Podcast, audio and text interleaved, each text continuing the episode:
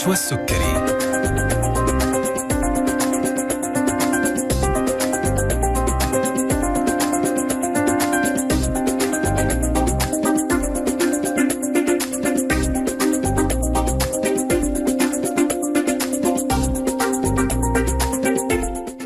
بسم الله الرحمن الرحيم. أسعد الله أوقاتكم بكل خير وأهلا وسهلا فيكم في حلقة جديدة من طبابة على ألف ألف أف أم الموجة السعودية. يسعدنا نحن نكون معكم أعزائي المستمعين لمدة ساعة ابتداء من الآن وإلى الساعة 2 بعد الظهر على الهواء مباشرة عبر أثير إذاعتنا ألف ألف أف أم وموضوع طبي جديد وضيف مميز من ضيوفنا اللي دائما بيشرفونا في برنامج طبابة. في كل حلقة من حلقات برنامج طبابة بنحرص على تقديم مواضيع طبية مختلفة نتكلم فيها عن أبرز الأمراض مشاكلها أعراضها طرق العلاج وطرق الوقاية والمستجدات في علاج الأمراض المختلفة. ولأنه برنامجنا طبابة برنامج مباشر فإحنا دائما بنسعد بتواصلكم معنا وإرسال أسئلتكم واستفساراتكم إما على هاتف البرنامج 012 61 61 100 أو رسائلكم على واتس البرنامج 055 66 89 01 بإمكانكم الاستماع إلى الحلقة من خلال البث المباشر على الراديو على الموجة اف ام من جدة 101 الرياض 94 الدمام 107.5 مكة المكرمة 102.5 والمدينة المنورة 104.5 كمان بإمكانكم الاستماع إلى البث المباشر من خلال موقعنا على الإنترنت www.alifalifm.com بمجرد الدخول لموقعنا هتلاقوا أيقونة البث المباشر وتقدروا تسمعوا الحلقة أو تشاركوها أي أحد مهتم بموضوعها. كمان بنسعد بتواصلكم معنا أعزائي المستمعين على جميع حساباتنا على ال social media فيسبوك تويتر إنستغرام واليوتيوب. الحلقة هتكون متاحة بإذن الله تعالى خلال 24 ساعة من بثها في موقعنا على اليوتيوب. حلقة اليوم عن التهاب المسالك البولية. اللي بيعتبر من المشاكل الشائعة عند الرجال والنساء وتحديدا النساء. لا تظهر أعراض التهاب المسالك البولية بشكل واضح لدى كل من يصاب بهذا المرض إنما يظهر عند معظم المصابين في الغالب عرض واحد أو اثنين. في حلقة اليوم مستمعينا الأعزاء هنتكلم عن التهابات الجهاز البولي أعراضها كيف يتم تشخيصها وكيف يتم العلاج وكيف نحمي أنفسنا من الإصابة بها. اسمحوا لي أن أرحب بضيفنا في حلقة اليوم الدكتور نشوان العريفي أخصائي أول مسالك بولية بمركز الدكتور سليمان فقيه الطبي حي النزهة حياك الله دكتور نشوان وأهلا وسهلا فيك أهلا وسهلا فيك و... بسم الله الرحمن الرحيم وسعيد جدا باللقاء وتشرفت جدا بهذه الاستضافة. الله يسلمك. الشرف لنا دكتور نشوان وموضوع المسالك البولية أو التهابات الجهاز البولي من المواضيع المهمة والشائعة واللي أحيانا بتتداخل أعراضها مع أعراض لمشاكل تانية موجودة وبالتالي فتوضيح الموضوع يعني مهم جدا لنا علشان يعني يكون في عندنا ثقافة ووعي بصحتنا وبالمشاكل اللي ممكن نتعرض لها في حياتنا. طبعا من الحالات المتكررة خاصة هنا في مركز دكتور سليمان فقيه. في النزهة أعداد كثيرة من الحالات تأتي بعدوى الجهاز البولي. ولذلك حبينا أن نسلط الضوء على هذا الموضوع للفائدة العامة للسادة المستمعين. عدوى الجهاز البولي تصيب عادة جزء من الجهاز البولي والذي يشمل؟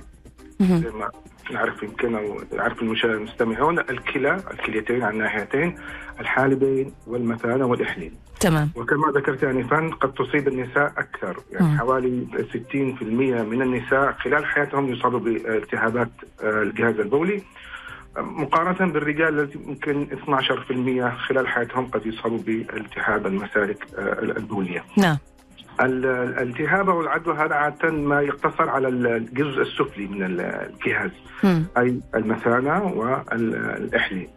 آه علاج لحد ما والتقييم للحالة. كل ما كان مبكر كل ما كان آه في الطريقة المناسبة كل ما كان بسيط وأسهل من أنه يتعالج. لكن عدم التقييم عدم العلاج المبكر يخلي الموضوع ينتشر العدوى تنتشر وتدخل المشكلة إلى حالة متدهورة أو حالة خطرة للإنسان المصاب. تمام. طيب هو إيش أسباب الالتهاب يا دكتور أصلا؟ يعني لماذا قد يصاب الشخص بالتهاب في المسالك البولية؟ وليش ممكن نفس الأشخاص يكون شخص مثلا آه، تعرض للعدوى؟ نعم وظهرت عليه أو أصابته شخص آخر لا. طبعا هي الأسباب نحن بنفصلها إلى أسباب السبب اللي هو الفعلي وعوامل نقول عوامل مساعدة أو عوامل خطورة. م. السبب هو فعليا وجود بكتيريا يعني السبب المسبب للعدوى أو اللي يحصل يعمل على إبراز هذه الأعراض والمشاكل هي وجود الجرثومة أو بكتيريا وهي عاده تسمى الإيكولاي. آه خاصة آه عندما تفشل دائما هنالك في نوع من المناعة يعني أو وسائل دفاعية بالنسبة للشخص. لكن عندما تفشل هذه الدفاعات قد تحدث بعض الأحيان. آه بعض من الاسباب أيضا هو الاتصال الجنسي خاصة آه حديثي الزواج أو اتصال غير آه آمن. تحصل بعض البكتيريا نوع معين من البكتيريا أو آه للانتقال عبر إيش؟ الإحليل وإلى الجهاز البولي. نعم. لكن العوامل اللي ممكن تخلي الإنسان دائما عرضة أو يكون سهل إنه يحصل عنده آه، التهابات في الجهاز البولي. عادة نحن أولا النساء النساء بشكل عام بحكم التشريح أو البنية الجسمانية للمرأة نفسها. قصر الإحليل وجوده بالقرب من منطقة قد تتكاثر أو يوجد فيها نوع من البكتيريا خاصة في الجهاز الهضمي. يجعلها عرضة للالتهابات وانتقال هذه البكتيريا الصاعدة عبر مجرى البول إلى المثانة وإلى وإلى آه، الأجزاء الأخرى من الجهاز البولي. من العوامل أيضا زي ما أفدنا سابقا أي حكاية النشاط الجنسي خاصة الغير آمن. نعم. بعض أنواع وسائل المنع هنالك بعض أنواع وسائل النم من العوازل أو الواقيات الذكرية غير فيها يكون فيها مزلقات معينة أو يكون فيها يكون فيها مبيدات للحيوانات المنوية.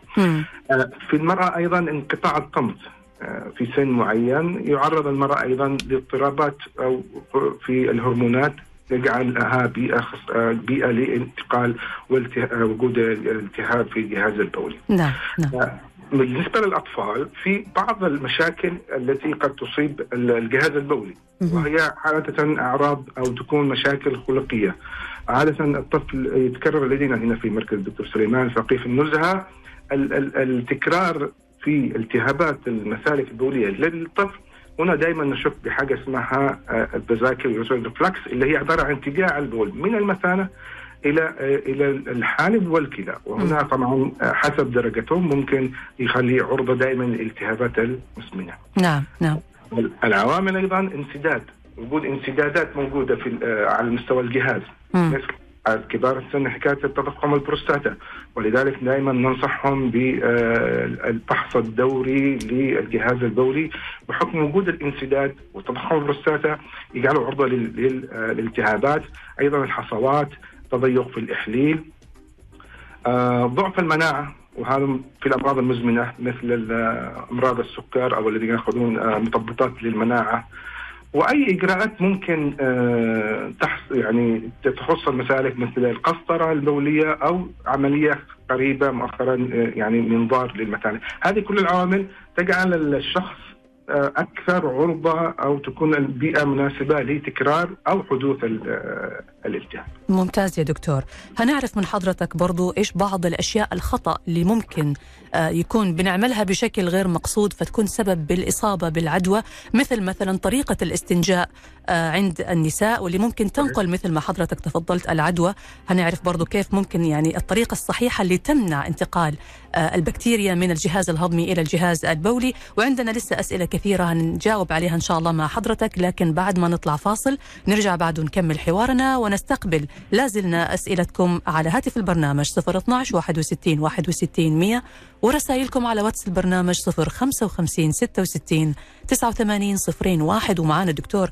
نشوان العريفي أخصائي أول مسالك بولية بمركز الدكتور سليمان فقيه الطبي حي النزهة. والدكتور مشكور طبعا على استعداد للإجابة على جميع أسئلتكم.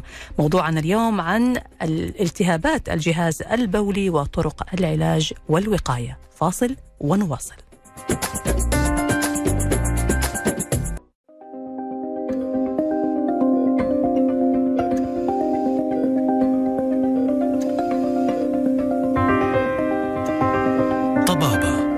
نشوى السكري.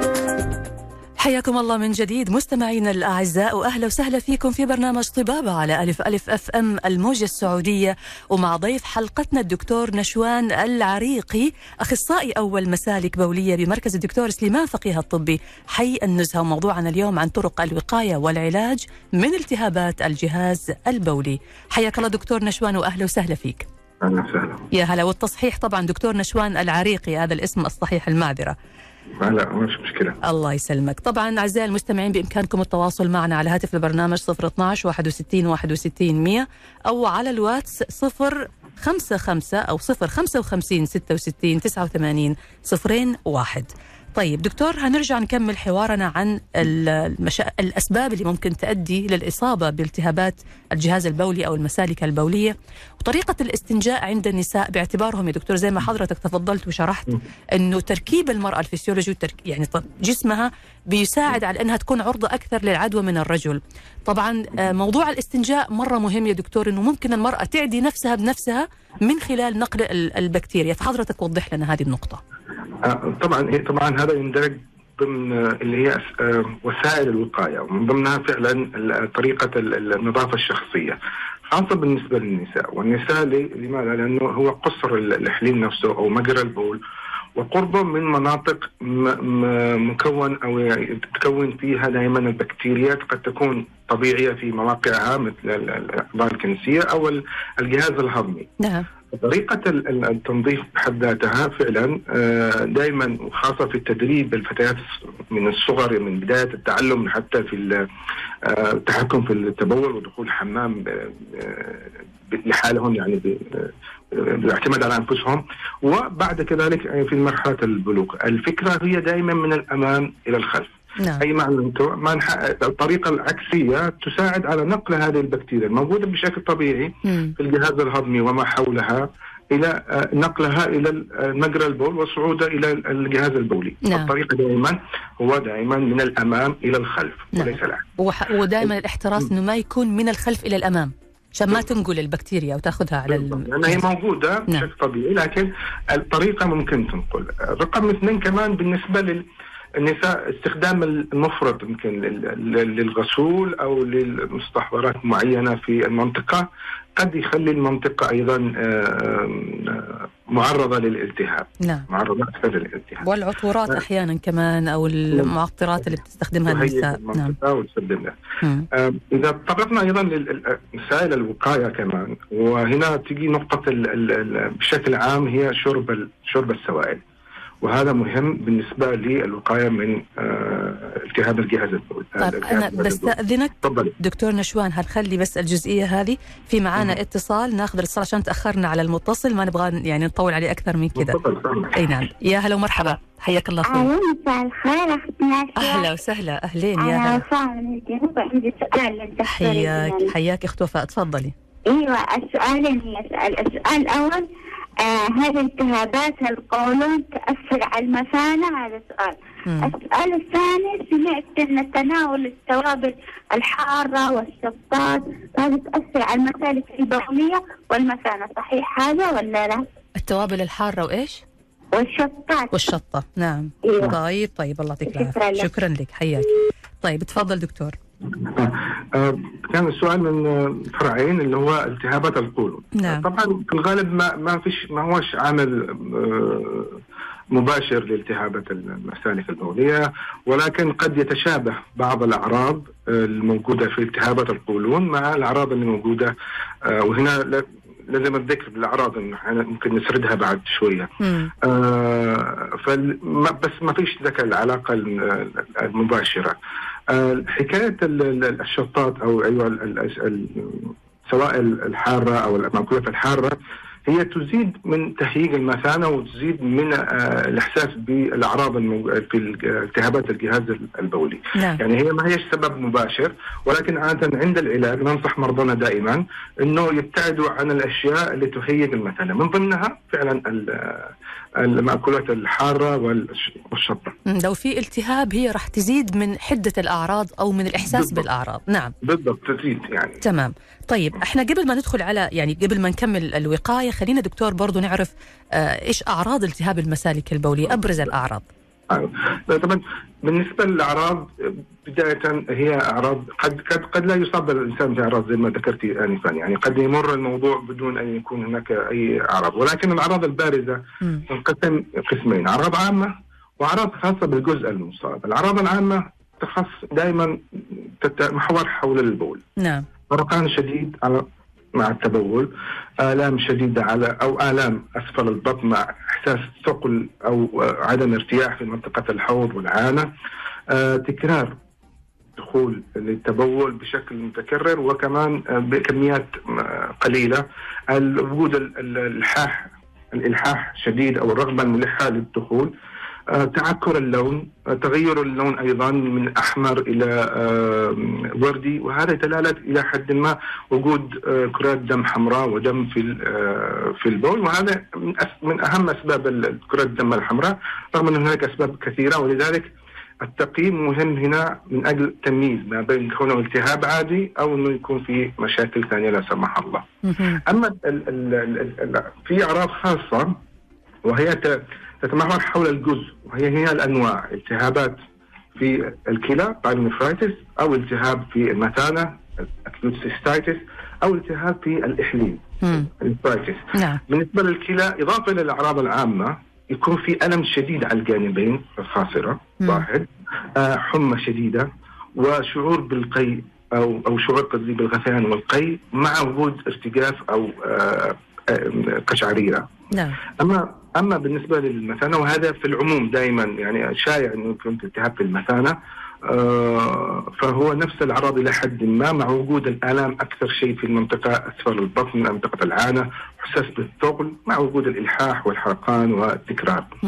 الالتهاب ال- ال- مجرى البول وهو آه، اللي هو الحليل هذا عادة يكون في قصة مرضية لاتصال جنسي حديث آمن أو غير آمن بس عادة مع الغير آمن ووجود إفرازات غير طبيعية بألوان غير طبيعية من أصفر إلى أخضر وحكة في المنطقة نفسها آه، وإلحاح آه، إضافة للأعراض نفسها العامة الموجودة.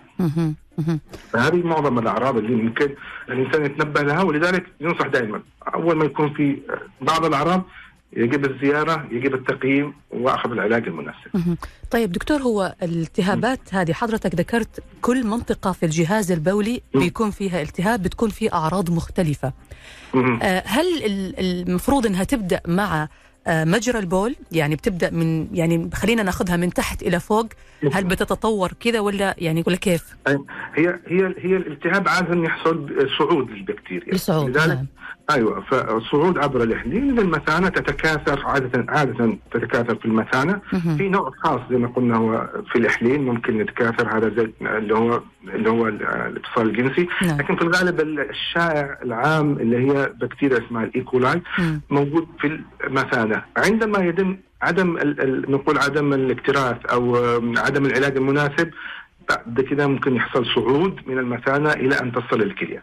مم. وصول ال- ال- ال- وصول ال- الالتهابات والبكتيريا للكليه من طبعا عامل خطورة ودائما حتى نحذر المريض عند الإصابة أو عند ال- الشعور بالأعراض الخاصة بالتهابات الكلى التوجه فورا للمستشفى قد يحتاج تحتاج إلى دخول وأخذ علاجات وريدية لأنه في بعد بعد كده مضاعفات قد تسيء للصحة لصحة المريض وحياته لا سمح الله. جميل يا دكتور طيب برضه هعرف من حضرتك بعد ما نطلع فاصل ونرجع.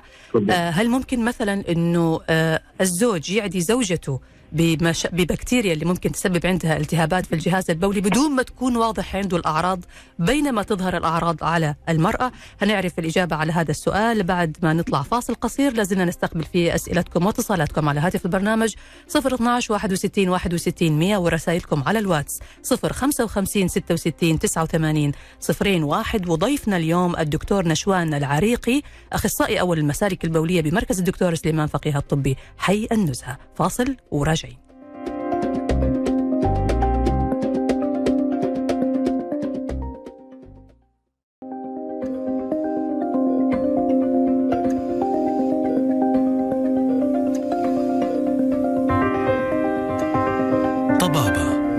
مع نشوى السكري. ويا هلا ومرحبا فيكم من جديد. حياكم الله مستمعين رجعنا لكم في برنامج طبابة على ألف ألف FM. ومع ضيفنا الدكتور نشوان العريقي أخصائي أول المسالك البولية بمركز الدكتور سليمان فقيه الطبي حي النزهة وموضوعنا اليوم عن طرق الوقاية والعلاج من التهابات الجهاز البولي. حياك الله دكتور نشوان وأهلا وسهلا فيك. أهلا وسهلا. آه طيب دكتور إحنا قبل الفاصل كنا بنسأل هل بالإمكان إنه مثلا الزوج يعدي زوجته أو العكس إنه الزوجة تعدي زوجها بدون ما تظهر الأعراض بس الطرف اللي أخذ العدوى تظهر عليه الأعراض؟ آه، هو طبعا في في احتمالية للحكاية هذه. يعني يحصل آه، انتقال للعدوى للطرف الآخر بدون ما يكون في أعراض. وقد تنتقل العدوى أصلا ويكون الاثنين كمان يعني طرفان غير اعراضهم غير شديدة. طبعا الأعراض بالنسبة للرجل زي ما ذكرنا سابقا هو وجود افرازات حكه حرقان وإلى آخره. فلذلك ممكن ما يكونش عنده آه، هذه ال- ال- الأعراض ويسبب نقلها للزوجه أو العكس. وهنا لازم دائما ليش؟ أيوه المراجعة لوجود أي أعراض بسيطة لأنه العلاج العلاج يختلف من التهاب المسالك البولية آه، بالمثانة مثلا مع التهابات ها- نتيجة العدوى الجنسيه. مهم. ممتاز. طيب في معانا اتصال ناخذ اتصال نقول ألو يا أهلا وسهلا. ألو السلام عليكم. عليكم السلام تفضل. آه عندي سؤال للدكتور. اي تفضل مين معي؟ آه أنس. حياك أخوي أنس تفضل. ال- آه، الدكتور أنا medical student وعندي سؤال إذا كان إذا جاء ال- المريض بأعراض ال- ال LUTS ال lower urinary tract infection اذا جاء آه، المريض بأعراض urinary tract infection عنده التهاب في المسالك البولية. نعم. أيوه. آه هل أبدأ على طول ال empirical antibiotic ولا أنتظر ال culture؟ طيب تمام. طيب يا دكتور. توضيح بس. آه، هو يقول هو طالب medical student طالب آه، طب. يقول هو بيسأل سؤال يعني في مجال عمله. يقول لما يجي له مريض عنده التهاب في المسالك البولية. فيقول هل ينتظر الكلتشر إنه يتعمل له مزرعة في الأول ولا يعطي له على طول المضاد الحيوي؟ آه، طبعا يتم على تقييم طبعا يتم تقييم الحالة تماما. الأعراض القصة المرضية الفحص الكلينيكي إذا كان هنالك يعني في في القصة المرضية والأعراض ما يشير إلى حد ما آه، إلى وجود الالتهابات أنا ممكن أبدأ أعمل أطلب الفحص أطلب المزرعة وتحليل البول وأبدأ علاج افتراضي وهناك علاجات طبعا معينة افتراضية مثبتة للبدء بالعلاج وأنتظر بعدها صدور المزرعة لأقارن بعدها إيش هل نوع البكتيريا إذا وجدت والعلاج المناسب الاشد فعاليه. تمام وضحت الإجابة أخوي أنس؟ طيب خلاص أوكي يعطيك العافية. طيب دكتور آه آه، يعني هو حقيقة السؤال الأخ أنس آه برضو فتح مجال لسؤال بالنسبة للعلاجات. يعني أنا كان ودي أسأل حضرتك كثرة أخذ المضادات الحيوية هل ممكن تكون سبب في إنه مناعة الشخص تنزل وبالتالي يكون عرضة أكثر للإصابة بعدوى الجهاز البولي؟ هو طبعا الاستخدام الغير مناسب والغير مدروس للمضاد الحيوي بشكل عام وفي عدوى المسالك البولية يسبب يعطي نوع من المقاومة لهذه البكتيريا وهذه حالات كثيرة. الحظها دائما هنا في مركز الدكتور سليمان الفقيه في النزهة. وجود بكتيريا معينة مقاومة للمضادات الحيوية ال- الاعتيادية اللي هي تعتبر لنا ال first line يعني في في في العلاج أو الخطوط الأولى.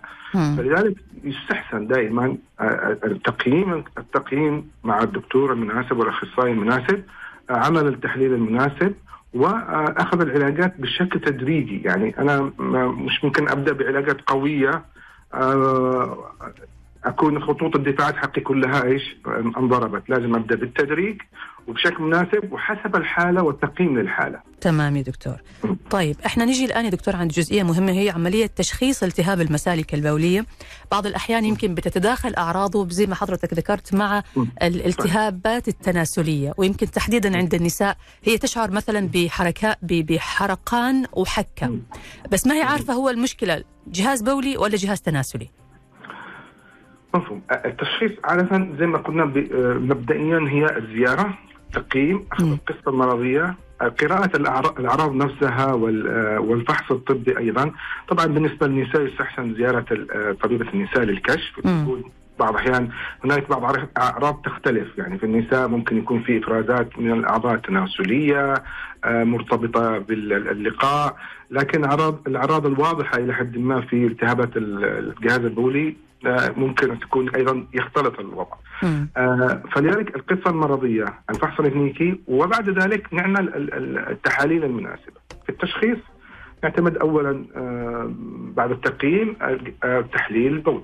تحليل البول يبين لنا هل في لأنه عادة ال- ال- التحليل يكون البول دائما هو sterile يعني نظيف فلما وجود آه، بكتيريا أو وجود كرات دم بيضاء وجود دم في آه، في البول على الحرص بأخذ عينة مناسبة وبالطريقه الصحيحة آه هذا دلالة إنه وجود إيش التهابات في ال- في الجهاز البولي.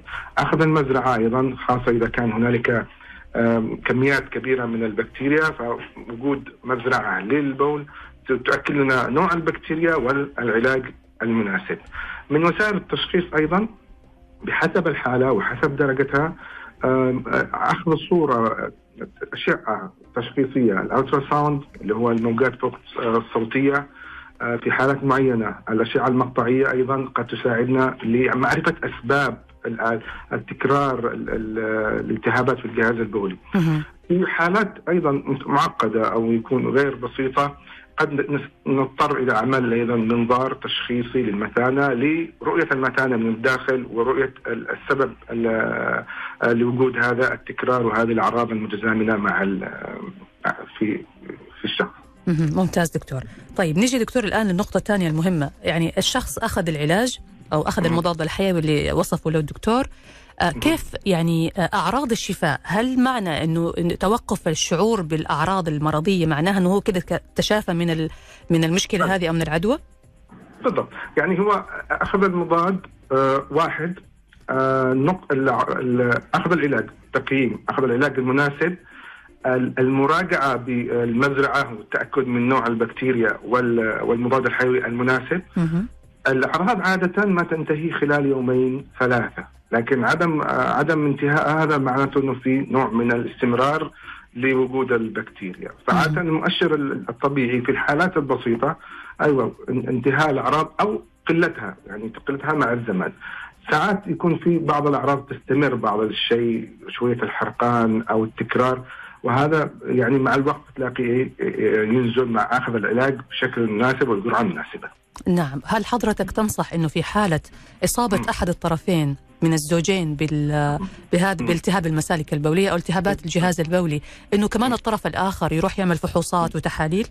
ب- هنا يختلف نعم. يختلف الوضع على نوع ال- الالتهاب الموجود مم. إذا نحن نتكلم على الالتهابات العادية لأنه مش كل البكتيريا أو كل الجراثيم أو كل التهابات نتيجة الاتصال الجنسي قد تحتاج إلى علاج مزامن في الغالب أيوه التهابات المسالك العادية. اللي هي مثلا ستايتس نقول التهاب المثانة هذه في الغالب لا تستدعي ال- الطرف الآخر. ولكن نقول ممكن نوع من المضايقة لكن مش نوع من آه، ما هيش نصائح موجودة لأخذ الطرف آه، الآخر علاج لكن مثلا آه، آه، وجود مثلا إفرازات تأكد طبعا من نوع البكتيريا الموجودة خاصة في الالتقاء الجنسي حكاية الإفرازات هذه ممكن تاخذ منها عينة يتأكد منها نوع البكتيريا أو اخذ عينه من البول كمان ال RBC نحدد نوع البكتيريا. انواع معينه من البكتيريا هنا يلزم أخذ ال- ال- الحيطة.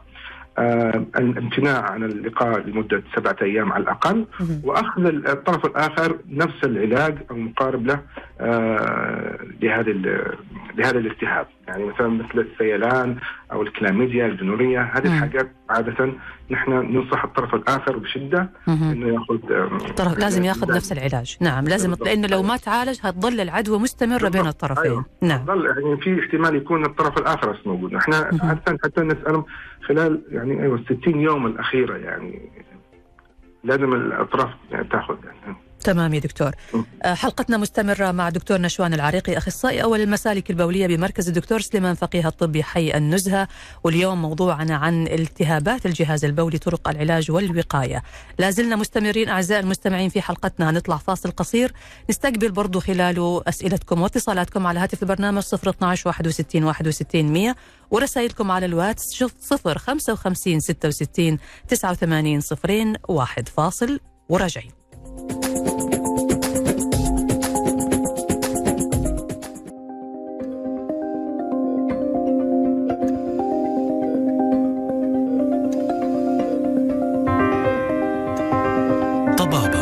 مع نشوى السكري ونقول يا هلا وسهلا فيكم من جديد مستمعينا الأعزاء في برنامجكم طبابة ومع ضيفنا الدكتور نشوان العريقي أخصائي أول المسالك البولية بمركز الدكتور سليمان فقيه الطبي حي النزهة.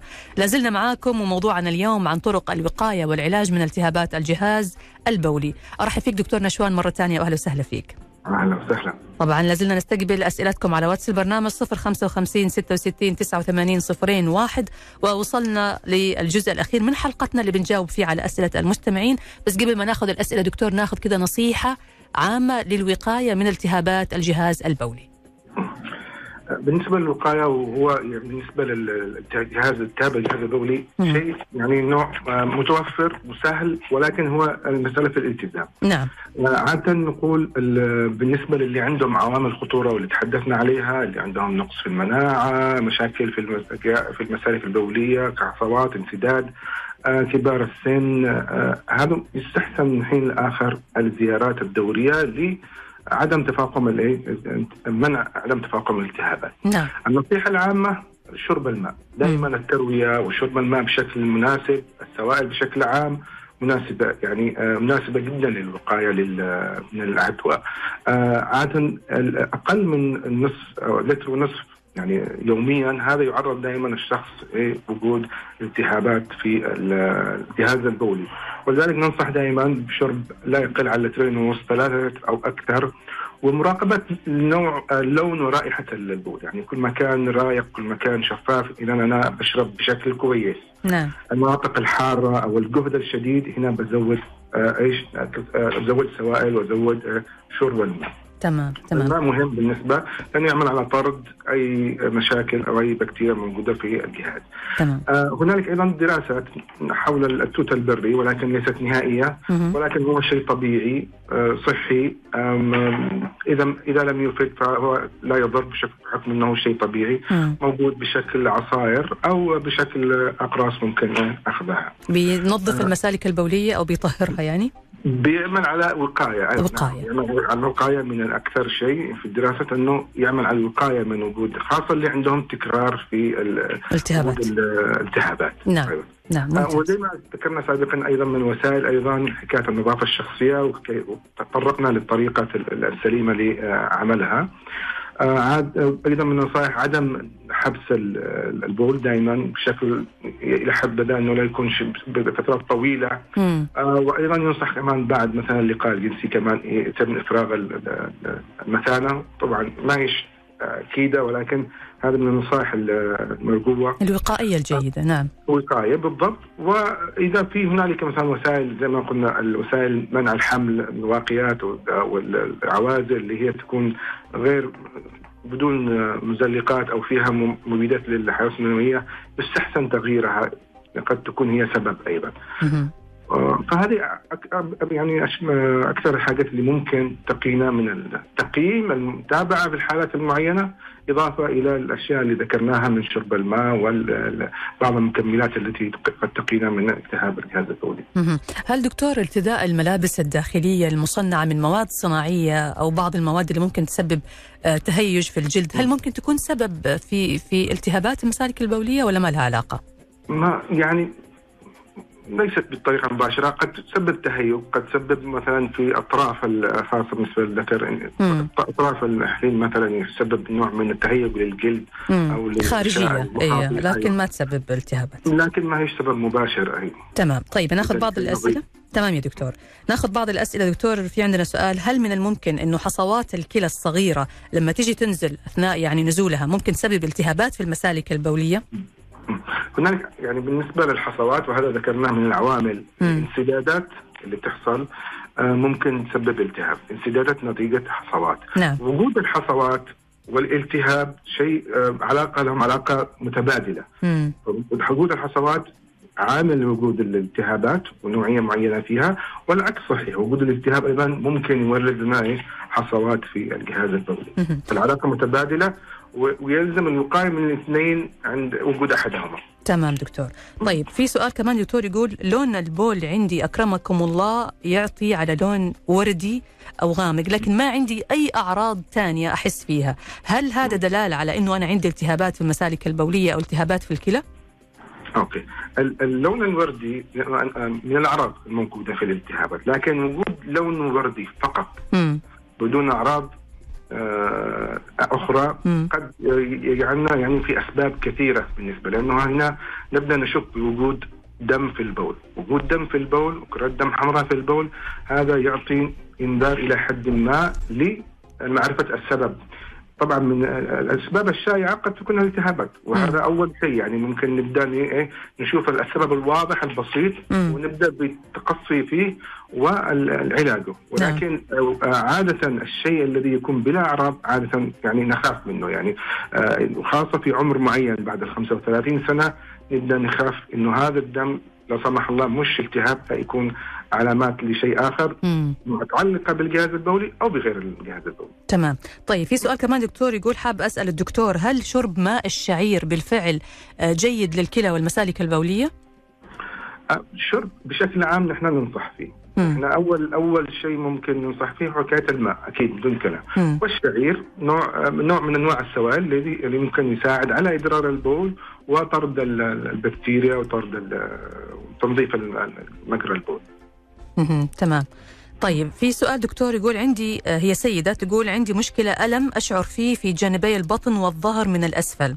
وعندي رغبة بتكرار آه، التبول رغم أنه كمية البول أكرمكم الله يعني آه، قليلة.